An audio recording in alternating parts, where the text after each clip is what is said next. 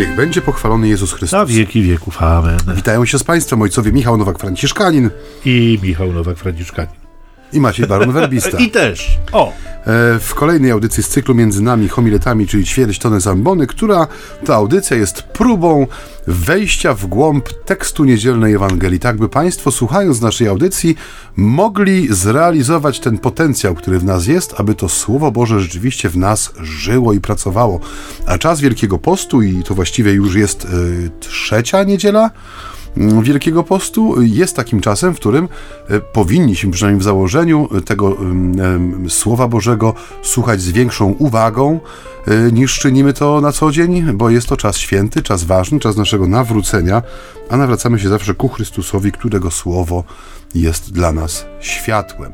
Dzisiejsza Ewangelia, moi drodzy, jest zaczerpnięta z dziewiątego rozdziału Ewangelisty, który miał zdecydowanie najwięcej czasu. 41 wersetów dzisiaj przed nami, także zapraszam do tej podróży w głąb słowa, którą rozpoczniemy od odczytania dzisiejszej perykopy. Jezus przechodząc obok ujrzał pewnego człowieka niewidomego od urodzenia. Uczniowie jego zadali mu pytanie: Rabbi, kto zgrzeszył, że się urodził niewidomy, on czy jego rodzice? Jezus odpowiedział: Ani on nie zgrzeszył, ani rodzice jego, ale stało się tak, aby się na nim objawiły sprawy Boże. Potrzeba nam pełnić dzieła tego, który mnie posłał, dopóki jest dzień. Nadchodzi noc, kiedy nikt nie będzie mógł działać. Jak długo jestem na świecie, jestem światłością świata. To powiedziawszy, splunął na ziemię, uczynił błoto ze śliny i nałożył je na oczy niewidomego i rzekł do niego: Idź, obmyj się w sadzawce Siloe, to co się tłumaczy posłany. On więc odszedł, obmył się i wrócił widząc, a sąsiedzi i ci, którzy przedtem widywali, widywali go jako żebraka, mówili: Czy to nie jest ten, który siedzi i żebrze? Jedni twierdzili: Tak, to jest ten, a inni przeczyli: Nie, jest tylko do tamtego podobny. On zaś mówił: To ja jestem. Mówili więc do niego: Jakżeż oczy ci się otwarły? On odpowiedział: Człowiek zwany Jezusem uczynił błoto, pomazał moje oczy i rzekł do mnie: Idź do sadzawki Siloe i obmyj się. Poszedłem więc, obmyłem się i przejrzałem. Rzekli do niego: Gdzież on jest? On odrzekł: Nie wiem.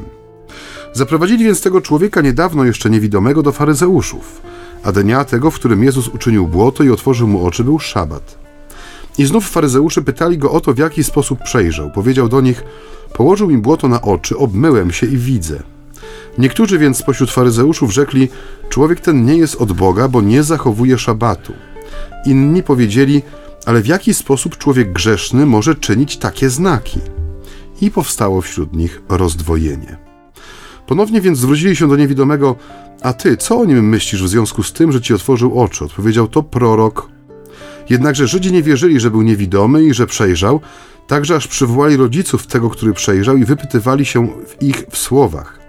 Czy waszym synem jest ten, o którym twierdzicie, że się niewidomym urodził? W jaki to sposób teraz widzi? Rodzice zaś jego tak odpowiedzieli: Wiemy, że to jest nasz syn i że się urodził niewidomym.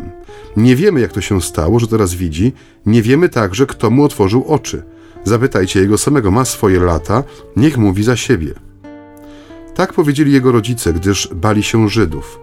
Żydzi bowiem już postanowili, że gdy ktoś uzna Jezusa za Mesjasza, zostanie wyłączony z synagogi. Oto dlaczego powiedzieli jego rodzice: Ma swoje lata i jego samego zapytajcie. Znowu więc przywołali tego człowieka, który był niewidomy i rzekli do niego: Daj chwałę Bogu. My wiemy, że człowiek ten jest grzesznikiem. On na to odpowiedział: Czy on jest grzesznikiem, tego nie wiem. Jedno wiemy: byłem niewidomy, a teraz widzę. Rzekli więc do niego: Cóż ci uczynił? W jaki sposób otworzył ci oczy? Odpowiedział im: Już wam powiedziałem, a wyście mnie nie wysłuchali. Po co znowu chcecie słuchać? Czy i wy chcecie zostać jego uczniami? Wówczas go zelżyli i rzekli: Bądź ty sobie jego uczniem, my jesteśmy uczniami Mojżesza. My wiemy, że Bóg przemówił do Mojżesza, co do niego zaś nie wiemy, skąd pochodzi. Na to odpowiedział im ów człowiek: W tym wszystkim to jest dziwne, że wy nie wiecie skąd pochodzi, a mnie oczy otworzył. Wiemy, że Bóg grzeszników nie wysłuchuje, natomiast Bóg wysłuchuje każdego, kto jest czcicielem Boga i pełni jego wolę. Od wieków nie słyszano, aby ktoś otworzył oczy niewidomemu od urodzenia. Gdyby ten człowiek nie był od Boga, nie mógłby tego czynić. Na, ty, na to dali mu taką odpowiedź: Cały urodziłeś się w grzechach, a śmiesz nas pouczać, i precz go wyrzucili. Jezus usłyszał, że wyrzucili go precz i spotkawszy go, rzekł do niego: Czy ty wierzysz w syna człowieczego? On odpowiedział: A któż to jest, panie, abym w niego uwierzył? Rzekł do niego Jezus: Jest nim ten, którego widzisz i który mówi do ciebie. On zaś odpowiedział: Wierzę, panie, i oddał mu pokłon. Jezus rzekł: Przyszedłem na ten świat, aby przeprowadzić sąd, aby ci, którzy nie widzą, przejrzeli, a ci, którzy widzą, stali się niewidomymi. Usłyszeli to niektórzy faryzeusze, którzy z nim byli, i rzekli do niego: Czyż i my jesteśmy niewidomi? Jezus powiedział do nich: Gdybyście byli niewidomi, nie mielibyście grzechu, ale ponieważ mówicie widzimy, grzech wasz trwa nadal. Tak, i kiedy y, y, przeczytałem tę Ewangelię, to taki pierwszy obraz, który mi się narzucił, to był obraz obchodu szpitalnego w jakimś centrum uniwersyteckim. Mianowicie idzie sobie wybitny profesor z uczniami, zatrzymają się przy jednym Profesor z pacjentów, Wilczur. profesor House, doktor House. Doktor House, tak. Zatrzymują się przy jednym Nie z chodził na pacjentów. obchody nigdy. Nie chodził, nie, nie. E, I tak sobie patrzą na tego pacjenta, no i ci uczniowie e, tego wybitnego profesora e, proszą, żeby opowiedział coś o chorobie, która trapi tegoż pacjenta, bo to jest niezwykle ciekawe studium przypadku. Nie? Zacznijmy od przyczyn, które wywołały jego chorobę. Panie profesorze, y, no właściwie wiemy, że to jest grzech, panie profesorze.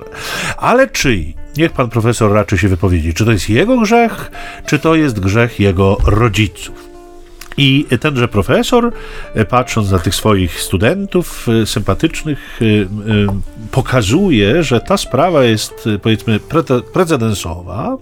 Ona się wymyka ich wiedzy, takiej wiedzy ogólnej, bo w ogóle nie dopuszczają pewnego szerszego kontekstu, szerszego horyzontu, jakiegoś szerszej, szerszego spektrum możliwości. Są ograniczeni swoją, no powiedzmy, mocno ograniczoną jeszcze na etapie studenckim e, wiedzą. Nie? Więc e, e, tutaj ta odpowiedź Jezusa, który no, swoim uczniom już konkretnie, bo to w Ewangelii mamy do czynienia z uczniami, nie jesteśmy na obchodzie lekarskim, no, odpowiedź Jezusa sugeruje, że i to jest dosyć przerażające, jak się to usłyszy, bo odpowiedź Jezusa sugeruje, że co, że Bóg tak chciał? Że to się stało po to, żeby się wielkie dzieła Boże objawiły, no to wali nam się taka teoria Boga miłosiernego, nie? No bo pojawia się Bóg, który dla przeprowadzenia swoich planów skazał człowieka na wiele lat cierpienia, a potem przychodzi i w sposób cudowny go od tego cierpienia uwalnia. Nie? I to, powiedzmy sobie szczerze, jest taka teoria, która jest szyta grubymi nićmi. Nie, bo to rodzi następne pytania. To co? To nie mógł tego człowieka uwolnić już przed jego urodzeniem? To rzeczywiście musiał go skazywać, da- darując mu taki niechciany prezent po to, żeby ten człowiek z nim żył przez wiele lat, a potem wspaniałomyślnie przyjść i go od tego prezentu e, uwolnić. Ale zauważcie, drodzy Państwo, taki niuansik mały, nie? bo wykluczając bezpośredni udział grzechu tego człowieka i grzechu jego rodziców, Jezus nie wykluczył grzechu w ogóle. Nie? Mianowicie ten świat jest nim naznaczony. A co w związku z tym? Ten świat jest bardzo niedoskonały. Ten świat jest schorzały. Był taki dzień mm, e, w, w okresie zwykłym. Pamiętam to bardzo dobrze, bo wtedy głosiłem e, e, jakby Dzień Skupienia dla Księży w, w Niemczech. I pamiętam, y, czytaliśmy wtedy Księgę Rodzaju, opis stworzenia świata. I pierwsze czytanie było takim cudownym czytaniem, które pokazywało harmonię, która się wyłaniała, ten taki porządek, który Pan Bóg czynił.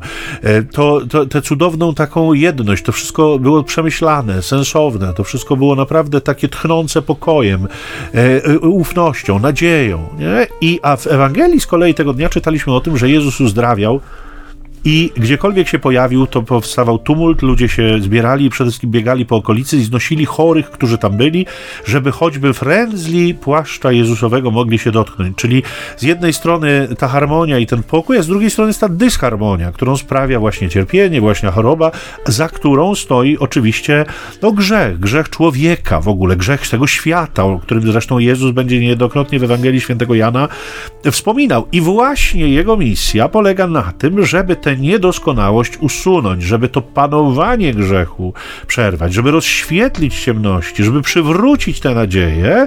Natomiast to się nie dzieje i nie dokonuje za sprawą czarodziejskiej różdżki. Nie, to się nie dzieje na zamówienie, to nie jest dział obsługi klienta, w którym ma się wszystko dokonać szybko i z uśmiechem na ustach, dlatego że wartość człowieka wykracza poza jego zdrowie fizyczne. Nie? Jezus nie przyszedł li tylko uzdrawiać chorych. Nie? Oczywiście trudno nam to zrozumieć, dlatego że zdrówka życzymy sobie przede wszystkim, nie? nieustannie jakby podkręcając w sobie kłamstwo demona, że życie bez zdrówka jest życiem niepełnowartościowym oczywiście. Natomiast Bóg nie planuje ludzkich chorób. Nie? Bóg nie obdarza ludzi nimi jak niechcianymi prezentami, ale nie one są też największym problemem tego świata. Choć jeszcze raz to powiem, trudno nam być może w to uwierzyć. Chorzy bywają uzdrawiani albo nie ale wszyscy mają zostać zbawieni. Nie wszyscy mają zostać oświeceni przez Jezusa. E, uzdrowienie jest często zewnętrznym znakiem tego, co dokonuje się w sercu, ale nie wszyscy tak. zostają uzdrowieni. E, I to y, z całą pewnością są jakieś tajemnice Boże. No jest, y, jest to misterium.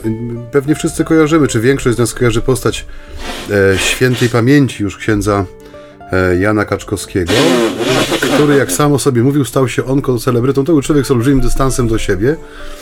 Momentami był nieco kontrowersyjny w tym sensie, że no, też z racji tego, że y, starał się nadać jak gdyby taką rangę dziełom przez siebie prowadzonym, między innymi Puckiemu Hospicjum, był mocno obecny w mediach. Jak właśnie ten status onkocelebryty bardzo często był wszystkim, co, co, co ludziom zostało. Te jego pełne humoru, wypowiedzi mówiące o tym, jak choroba go na przykład ogranicza, no potrafił rzeczywiście, jest to domeną ludzi wielkich, w tym sensie wielkich, czyli pokornych, że wobec no, niesamowitego cierpienia i choroby, która no, prowadzi ku śmierci, no bo glejak mózgu w czwartym stadium nie daje dużych rokowań, jeżeli chodzi o wyzdrowienie. Jak sam powiedział, zawsze był otwarty na cud. W sensie y, modlił się o cud, wierzył w to, że Pan Bóg może sprawić cud, ale to, co powiedziałeś właśnie, że ta największa pokusa złego, jeżeli chodzi o cierpienie, jest taka, że stara się on wmówić człowiekowi, że życie bez tego mitycznego zdrówka jest właściwie nie życiem, tak? Że y, bardzo często słyszymy o ludziach, którzy na, na skutek diagnozy, która gdzieś przychodzi niekorzystnej, potrafią zupełnie zatracić ten impet życiowy, zamykają się w sobie, kurczą się, y, obcinają kontakty, zaangażowanie. I jest takie jedno zdanie z wywiadu, bo ksiądz Kaczkowski był bardzo mocno obecny w mediach tych y, internetowych. Miał swój kanał na, y, na YouTubie, nagrywał takie filmy ze swoimi kazaniami, homiliami, także taką serię Smak Życia przeprowadził. I on właśnie powiedział, że paradoksalnie on zaczął żyć tak namacalnie i w pełni wtedy, kiedy wiedział, że jego dni są policzone, nie? że każdy dzień ma znaczenie, że i wtedy mówi, ta choroba przestała być przeszkodą, tak jak y, stara się to powiedzieć nam zły w, w nieustającej pokusie związanej z cierpieniem, a stała się dla niego taką trampoliną, takim kamieniem, od którego on się odbijał, żeby wyskoczyć wyżej, dalej, zrobić więcej. I rzeczywiście patrząc na jego krótkie życie, niespełna cztery dekady przeżył na tym świecie i to, co udało mu się osiągnąć i to, co po nim zostało, między innymi właśnie to Puckie Hospicjum, które jest jednym z takich najbardziej chyba rozwiniętych, jeżeli chodzi o, o, o sposób świadczenia e, tej y, posługi miłosierdzia względem osób cierpiących, e, no widać, że miał rację w tym, nie? Że, że nie pozwolił, aby ta pokusa choroby, w sensie pokusa cierpienia w ujęciu złego, e, zakończyła to życie, zanim zakończy się jego biologiczny bieg, nie? To jest to jest też takie przesłanie, wydaje mi się, jeżeli chodzi o takie ewangeliczne przyjęcie cierpienia, bo tak jak tu Michał słusznie powiedział, że my ciągle musimy się zmagać z taką wizją Pana Boga. Ksiądz Kaczkowski też to właśnie kiedyś tak żartobliwie powiedział, że Bóg nie jest złośliwym dziadem z siwą brodą, który podróżuje nad światem e, na chmurze i nadjeżdżając na przykład nad Puck czy Gdańsk mówi, o Kaczkowski, nie lubię was, dam wam raka i rzuca dzidę, która wbija się w tego biednego człowieka i daje mu raka na przykład, nie? My się śmiejemy, ale gdybyśmy tak y, porozmawiali ze sobą na ten temat, to pewnie wielu z nas taki obraz Pana Boga w sobie ma, nie?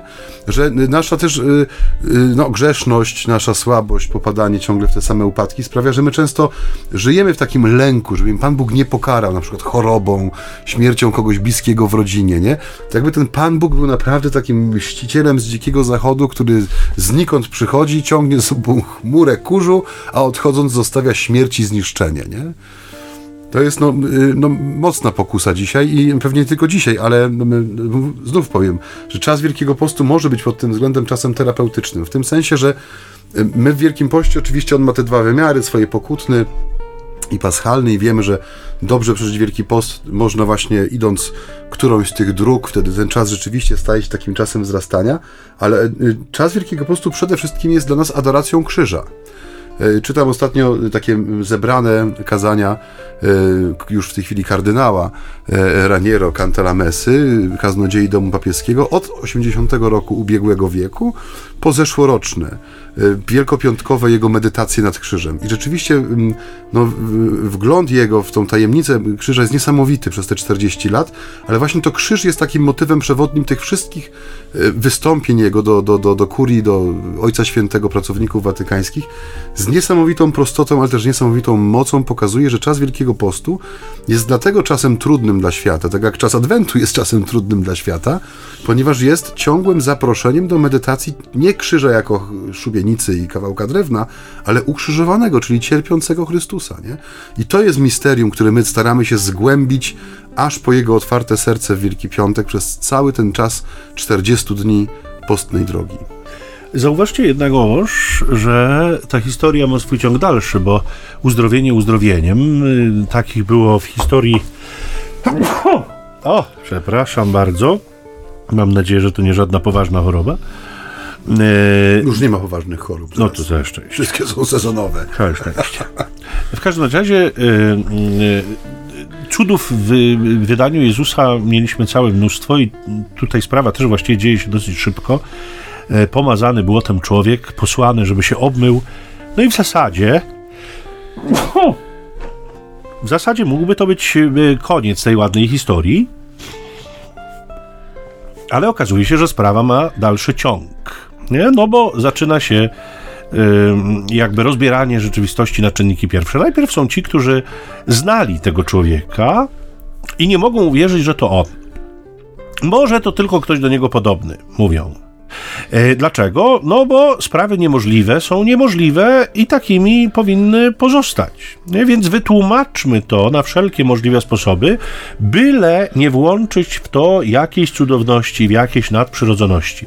Tak będzie po prostu łatwiej. To jest pewnie ktoś podobny do niego, tamten wróci tutaj za chwilę i będzie żebrał dalej. I chociaż ten człowiek tak dokładnie opowiada, co mu się przydarzyło, chociaż ten człowiek zapewnia, że to on, że, że to właśnie ten, którego zna, znali, którego obserwowali, którego mm, e, jakby na co dzień mieli gdzieś w pobliżu, to jednak nie umie tego sam wytłumaczyć.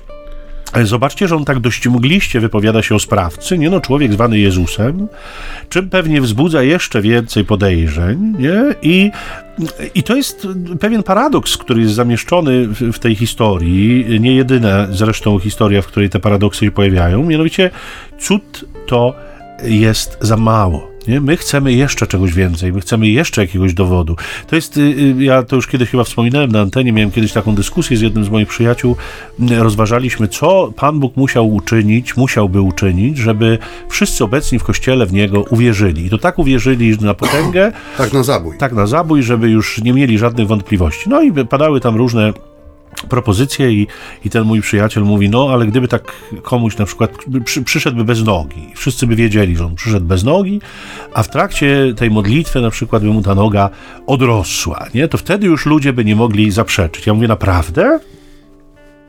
No, Naprawdę jesteś przekonany, że wtedy ludzie by uwierzyli, że to Bóg uczynił?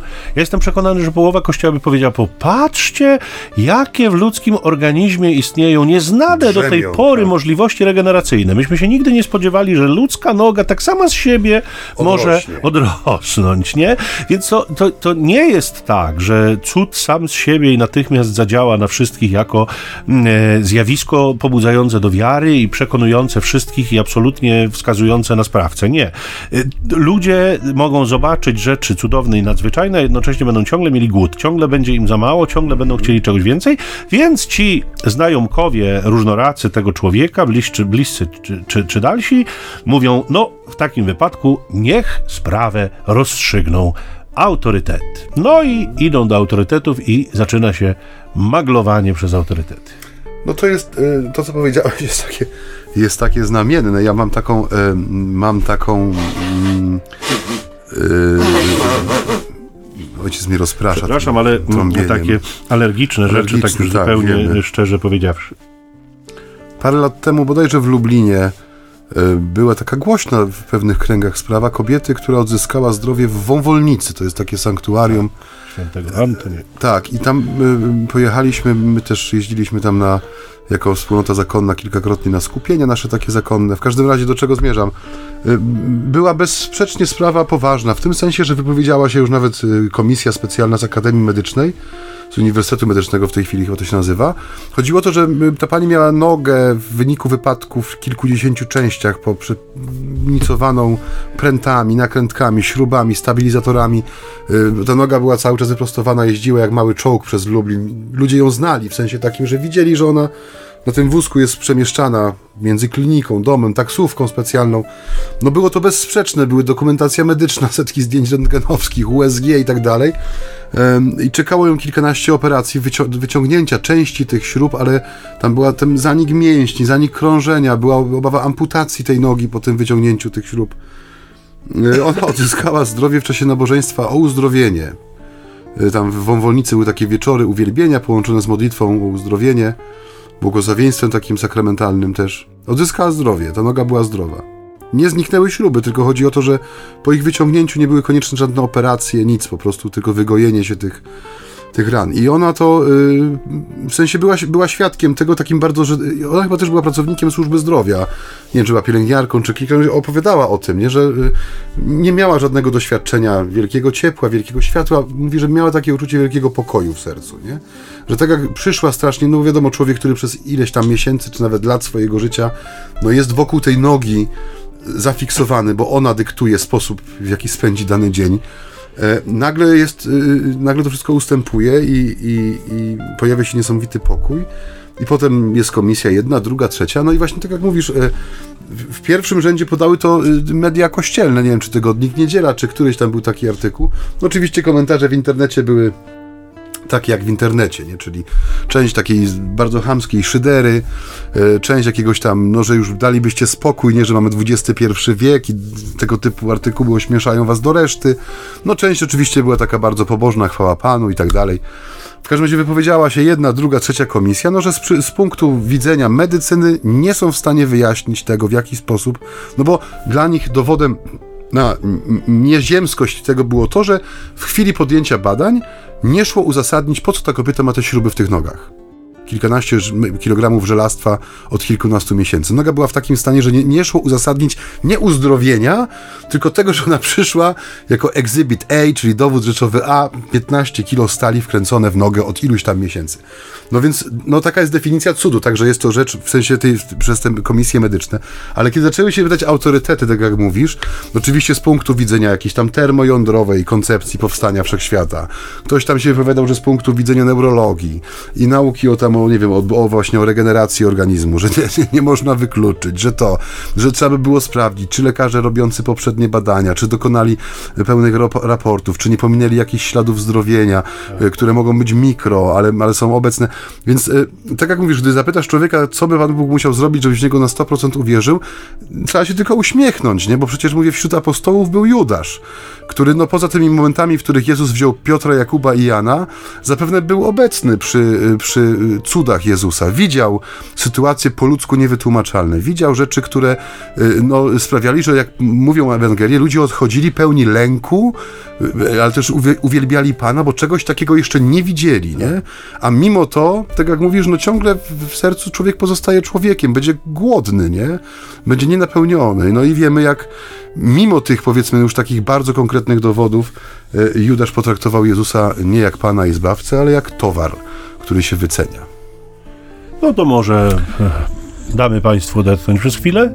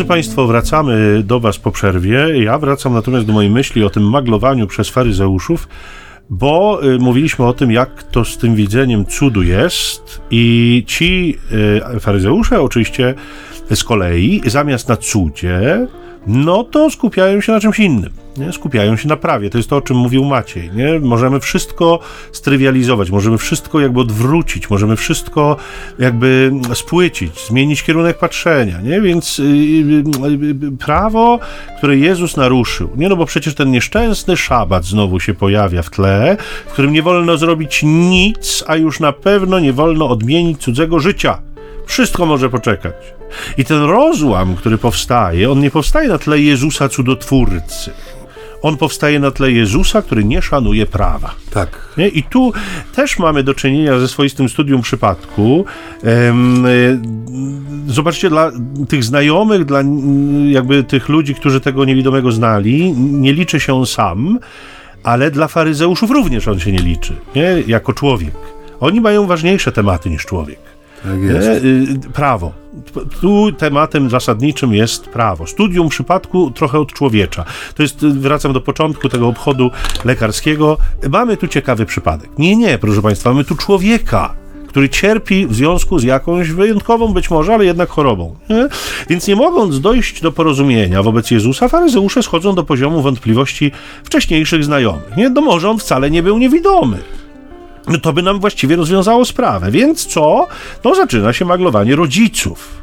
Zauważcie, że ci ze strachu zachowują postawę mocno zdystansowaną, to znaczy mówią absolutne minimum. Nie, nasz syn był niewidomy, teraz widzi, nie wiemy jak.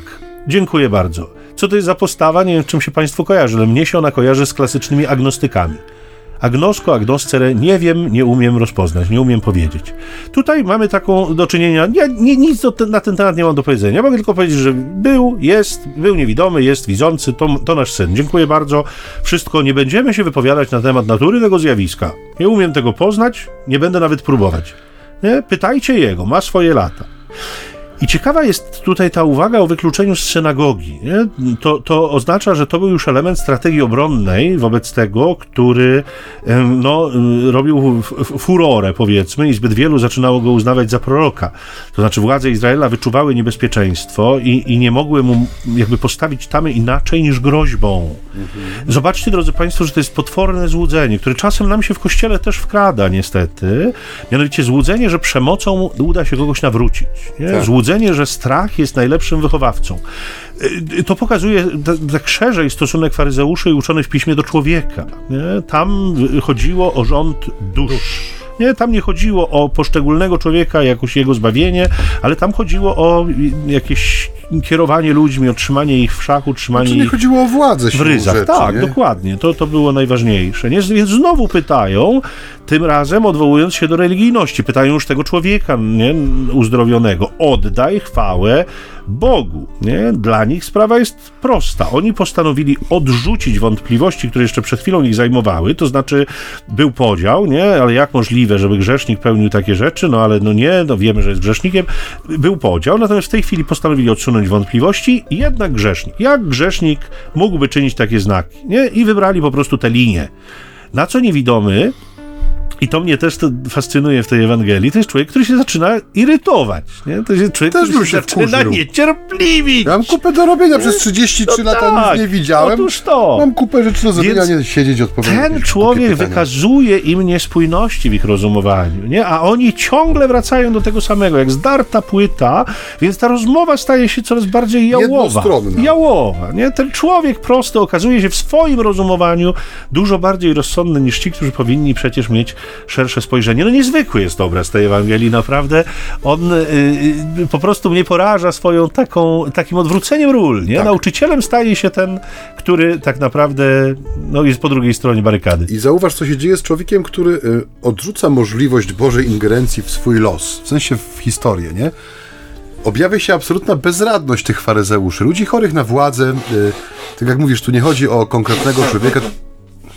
Ten refren tak. regularnie powraca. Tu nie chodzi o konkretnego człowieka, tu nie chodzi o jego zdrowie czy chorobę, nie chodzi o jego świętość czy nieświętość, tu chodzi o władzę. I władza ma, jeżeli władza jest dobrem absolutnym, nadrzędnym jest też dobrem bardzo kruchym, nie? że wystarczy popuścić w jednym miejscu, żeby cały ten domek z kart się posypał, więc oni walczą, Tak. oni walczą o przetrwanie. Tak jak mówię, nie walczą o człowieka, nie walczą o prawdę, nie walczą o zdrowie, o jego ślepotę. Nie, oni walczą o przetrwanie. To jest mm, szamotanie się w bezradności, no bo nie mogą uznać, że oni już mają swoją interpretację Jezusa. To jest grzesznik. Jak grzesznik może robić takie rzeczy, tak? To nie podlega dyskusji. Więc oni stoją na straconej pozycji. To pokazuje też los człowieka, który nie tyle rzuca Panu Bogu wyzwanie, tylko chce Panu Bogu powiedzieć, że to jest niemożliwe, żeby on się zaangażował w historię takiego Kowalskiego, który jeszcze wczoraj chodził z białą laską i ustukiwał chodniki, a dzisiaj zakłada sobie kiosk z gazetami, bo widzi. Tak? I, I w szerszej takiej perspektywie to pokazuje też ludzkie zmaganie w historii. Wszędzie tam, gdzie człowiek odmawia Panu Bogu miejsca w tym świecie, zaczyna tworzyć piekło na ziemi, nie? No bo to, y, te, ta eskalacja, która się, bo tu, tu, tu też no, musimy mieć świadomość, że nakręca się spirala, której końcem będzie krzyż Jezusa, nie? E, To, że oni sobie nie potrafią z tym poradzić, ta, ta władza, w sensie jako dobro absolutne jest ich przed ich oczami i możliwość jej utraty, więc jedynym uderzeniem, które może rozwiązać jest uderzenie absolutnie bezwzględne i siłowe, czyli sprzątnięcie tego człowieka z ziemi, no bo, bo, bo, nam wadzi, nie? bo nam przeszkadza, bo, no bo my z, jesteśmy postrzegani jako ci, którzy widzą i którzy mają władzę, a widzą jak niewiele trzeba, żeby tego nie było, nie? Żeby ludzie po prostu, no im powiedzieli, że to jest bzdura, nie? Ta wasza władza, że jest ułodą, że jest niczym wobec tego, co się tutaj na naszych oczach dzieje, nie? Także to też jest bardzo aktualne dzisiaj, nie? Kiedy my mamy taką rzeczywistość, w której bardzo łatwo jest wykreować nowego bożka, nie? Co jakiś czas się zmienia, co prawda, jego oblicze, nie? Ale zawsze jest to jakiś złoty cielec, nie? Dzisiaj to jest fitness, nie? Ogólna zdrowość, jedzenie traw, robaków, nie? Eliminowanie czerwonego mięsa.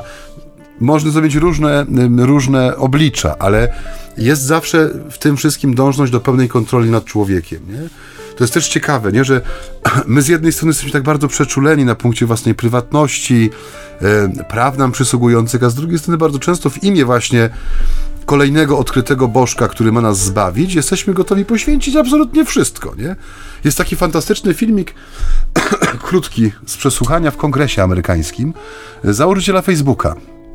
Bo Stany Zjednoczone są jedynym, znaczy jednym z takich największych tygli, jeśli chodzi o y, sprawę tych praw obywatelskich, swobód, które mamy, prawa do prywatności, prawa do ochrony informacji, coś, co u nas się y, tak trochę y, y, kiełbasi pod, pod tym, pod tym, ty- pod, pod, pod tym no, tytułem RODO, prawda, gdzie tam cały czas nam gdzieś wyskakuje, że czegoś nie możemy zrobić, bo jest RODO. A z drugiej strony pokazują ci przesłuchujący pana Zuckerberga ludzie, jak łatwo przyszło mu oszukać ludzi, bo pyta, zadali mu trzy proste pytania. Czy udostępnił pan publicznie listę swoich wczorajszych, nie treść, tylko listę wczoraj- wczorajszych rozmów, które prowadził pan za pomocą telefonu, SMS-em, połączeniem telefonicznym? Oczywiście że nie. Czy powiedziałby pan tutaj wszystkim zebranym, w jakim hotelu i gdzie pan się zatrzymał, żeby przybyć na to spotkanie? Nie. No, via, fe, Facebook jako Facebook, nie? Jako użyteczność prowadził oznaczanie się w każdym możliwym miejscu. Hello, jestem, wciskasz pineskę i cały świat wie, że zatrzymałeś się na szóstym piętrze z takim widokiem takiego a takiego hotelu, gdzie ceny za pokój wynoszą tyle i tyle, a batonik z hotelowej lodówki kosztuje 16 dolarów. Udostępniamy wszystko, a jednocześnie boimy się utraty wszystkiego, nie?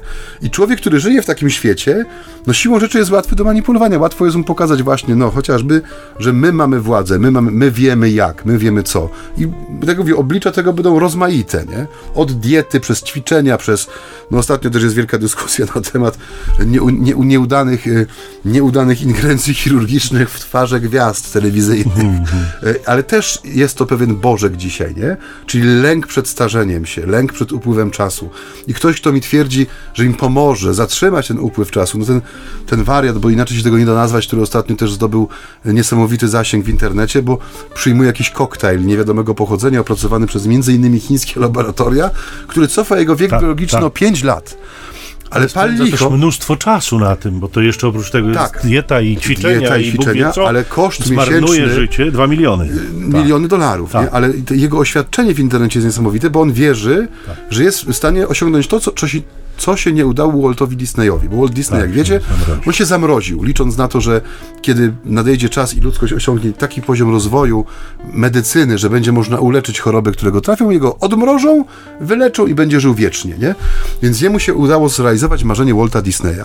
I on wierzy, że on będzie żył wiecznie, ponieważ y, cofanie o 5 lat co jakiś czas tego wieku bio- biologicznego, co jak wierzy on, jemu się dzieje, no sprawi, że jest odporny na wszystkie, na wszystkie ten. I oczywiście on już ma dziesiątki tysięcy osób, które są gotowe płacić miesięczny abonament w wysokości iluś tam tysięcy dolarów za dostęp do tego szejka z Chin, którą, więc już ma pomysł na biznes, nie? I dla tych ludzi to on będzie Bogiem, to on będzie guru, nie? To on uporządkuje ich rzeczywistość, bo oni kupują koktajl za 11 tysięcy, więc oni muszą unikać, nie wiem, słońca po 12, cukru powyżej 2 gram miesięcznie i będą się tego trzymać bezwzględnie. Tak. Przykazania, normy moralne, to jest dyskusyjne, to można odsunąć, ale przestrzeganie ilości cukru w diecie w skali tygodnia będzie dla nich święte. Dokładnie, bo to im da życie wieczne, tak jak je rozumieją.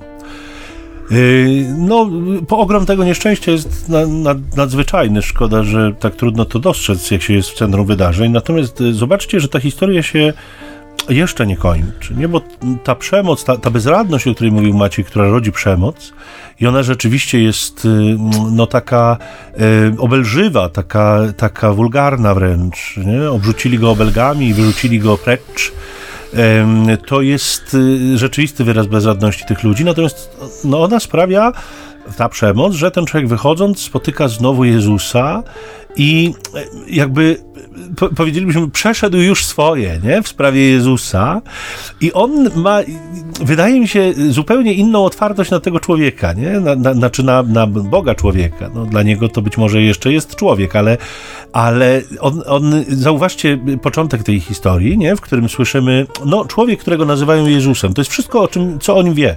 Jakby nie zupełnie, jakby nie wydaje się, żeby miał jakąś y, więź y, szczególną z tym, który mu przywrócił wzrok. Natomiast koniec tej historii, ten człowiek wychodzi i y, na pytanie Jezusa, czy wierzysz w Syna Człowieczego, odpowiada, kto to jest, żebym w Niego uwierzył? No to ten, z którym rozmawiasz. Tak, Panie, wierzę. Nie, to jest człowiek, który jakby ta jego wiara wydaje się dojrzała, jeśli nie pojawiła się, to, to dojrzała w tym kontekście tych, no, tych właściwie prześladowań, prześladowań, no bo to tak, tak, no. trzeba określić. Nie? To był człowiek, który był nękany po prostu najzwyczajniej w świecie i ta jego wiara natychmiast wzrosła. To też po, pokazuje drogę Kościoła, nie? to też pokazuje drogę uczniów. Natomiast zobaczcie, że my czytamy tę Ewangelię tydzień po ogromnym sukcesie ewangelizacyjnym Samarytanki. To znaczy ona idzie i całe miasto przychodzi i proszą Jezusa, żeby został. To też są takie kontrasty. Pamiętacie, jak Jezus płynie do Gerazańczyków, y, tam wyrzuca tego złego ducha, właściwie legion złych duchów z opętanego. I y, przychodzą mieszkańcy tego miasta i proszą go usilnie, żeby od, odszedł z ich granic. Nie? Więc Jezus odjeżdża. Natomiast ci z Samarii przychodzą i proszą go, żeby został. Więc Jezus zostaje tam. Nie? Dwa dni i ludzie wierzą w niego. Ogromny sukces też tej kobiety, w cudzysłowie sukces, no taki ewangelizacyjny, że ona tych ludzi podprowadza do Jezusa. Natomiast dzisiaj czytamy o ogromnej porażce ewangelizacyjnej, nie? Bo tak naprawdę na głos tego człowieka nikt się nie nawrócił. Ani jego znajomi się nie nawrócili, ani faryzeusze się nie nawrócili, nawet jego rodzice się nie nawrócili, nie? W tym sensie takim, że, że ja już nie mówię o jakiejś hiperwierze, nie? Ale, ale oni wszyscy mieli problem z uznaniem cudu, nie? Z uznaniem działającego Boga w jego życiu. To było jakby problematyczne, nie? Więc tu y, jakby okazuje się po pierwsze, że Jezus stanie się linią podziału, co sam zresztą zapowiadał u synoptyków. Dwoje będzie przeciw trojgu, troje przeciw dwojgu. Tak Ale w tym kontekście właśnie jest też zapowiedzią prześladowań, co do których apostołowie przekonają się na własnej skórze, że nastąpią i ci sami faryzeusze, ci sami Żydzi, którzy tego niewidomego prześladują, za chwilę po śmierci i zmartwychwstaniu Jezusa zwrócą się przeciwko uczniom. Oni będą członkami Sanhedrynu, który będzie ich biczował, oni będą członkami Sanhedrynu, który będzie skazywał ich na, na więzienie. To będą ludzie, którzy rzeczywiście będą ciągle szli w zaparte i będą próbowali y, jakby y, połatać tę historię, połatać tę sprawę y, kolejnymi aktami przemocy, nie? co nigdy udać się nie może. No i nie udało się. I, I Kościół y, nie tylko przetrwał, ale rozszerzył się tak przepotężnie, że, y, że objął swoim zasięgiem cały świat. Dzisiaj y, niewątpliwie drogą Kościoła jest również cierpienie y, i w wielu miejscach na świecie Kościół cierpi, w wielu miejscach jest prześladowany. I to są bardzo realne prześladowania, nie wyimaginowane. Nie? To nie, nie jest prześladowanie polegające na tym, że ktoś na mnie źle spojrzał, ale to jest prześladowanie, które wiąże się z realną utratą, począwszy od mienia, skończywszy na życiu. E, I to jest droga Kościoła, która sprawia, że w takich miejscach, gdzie Kościół dostaje baty, tam bardzo często rośnie, rośnie i się umacnia. Natomiast w tych miejscach, w których Kościół jest jak napasiony kot, e, który nie musi się troszczyć o nic, ta, nie musi się troszczyć o nic, tylko wszystko ma podane na tacy, w tym miejscach Kościół słabnie, najzwyczajniej w świecie, no bo to nie jest droga Kościoła. I Jezus to bardzo weryfikuje, bardzo to pokazuje. Jesteśmy w stanie popatrzeć na bogate kościoły Zachodu, mm, zwłaszcza y, Europy Zachodniej.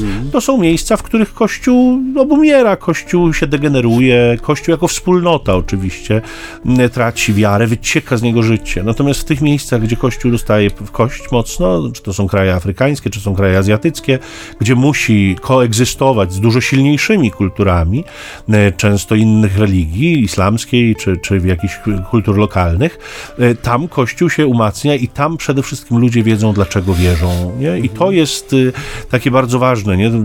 Powiedziałeś o takiej świadomości na pewnym etapie, nie? świadomości tego, po, po co to wszystko, że ja wiem, po co, nie? po co wierzę.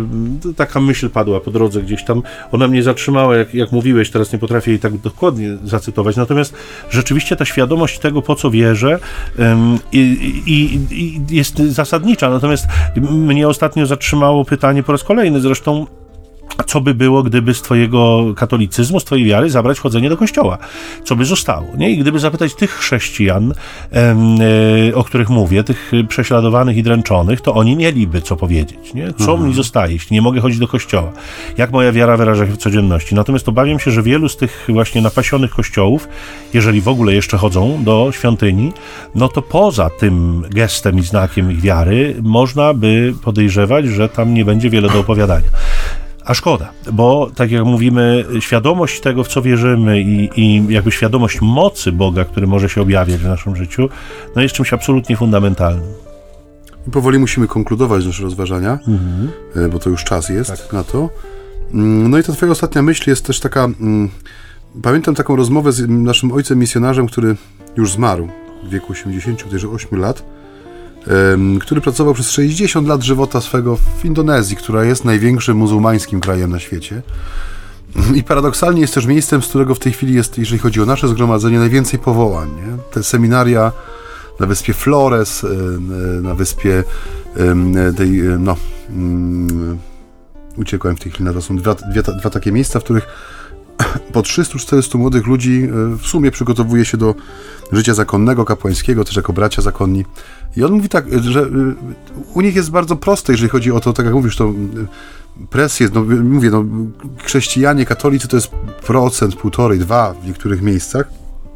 Mm.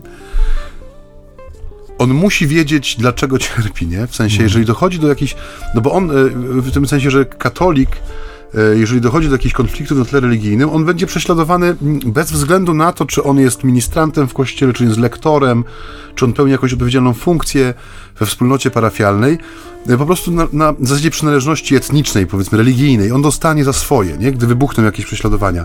Po prostu ludzie nie lubią dostawać za nic, nie? że bardzo często też ta postawa, która wyrasta z takiego bardzo w tych konkretnych azjatyckich kontekstach częstsza niż u nas, bardzo świadomego bycia y, członkiem, tak jak mówisz, nie, nie tylko przyjścia na mszę do kościoła, ale też świadomego bycia zaangażowanym w, w parafię, w dzieła miłosierdzia, w prowadzenie szkół, y, ambulatoriów, przychodni, też z tego wypływa, jeżeli, ta, jeżeli mają nas za nic, no bo często w, tych, w czasie tych y, zamieszek czy konfliktów religijnym do tego dochodzi, że jedna strona uznaje drugą za nieistniejącą, nie? to zresztą wychodzi też często w tych y, lokalnych, etnicznych nazwach, którymi są obdarzani na przykład katolicy, że są to nazwy zwierząt uważanych za nieczyste, nie?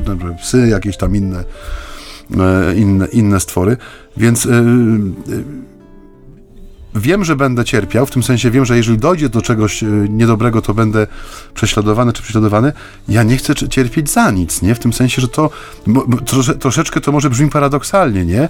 Ale w tym sensie jest to jakiś bodziec, tak jak mówisz, nie? Tam, gdzie, tam, gdzie jest ten, to ryzyko przelewu krwi, tam bardzo często Kościół jest najbardziej żywy, nie? Bo wie po co jest, nie? Wie, że i tak będzie w nienawiści u wszystkich, w tym sensie, że tu się spełnią te słowa Ewangelii, w tym kontekście to mówię, nie?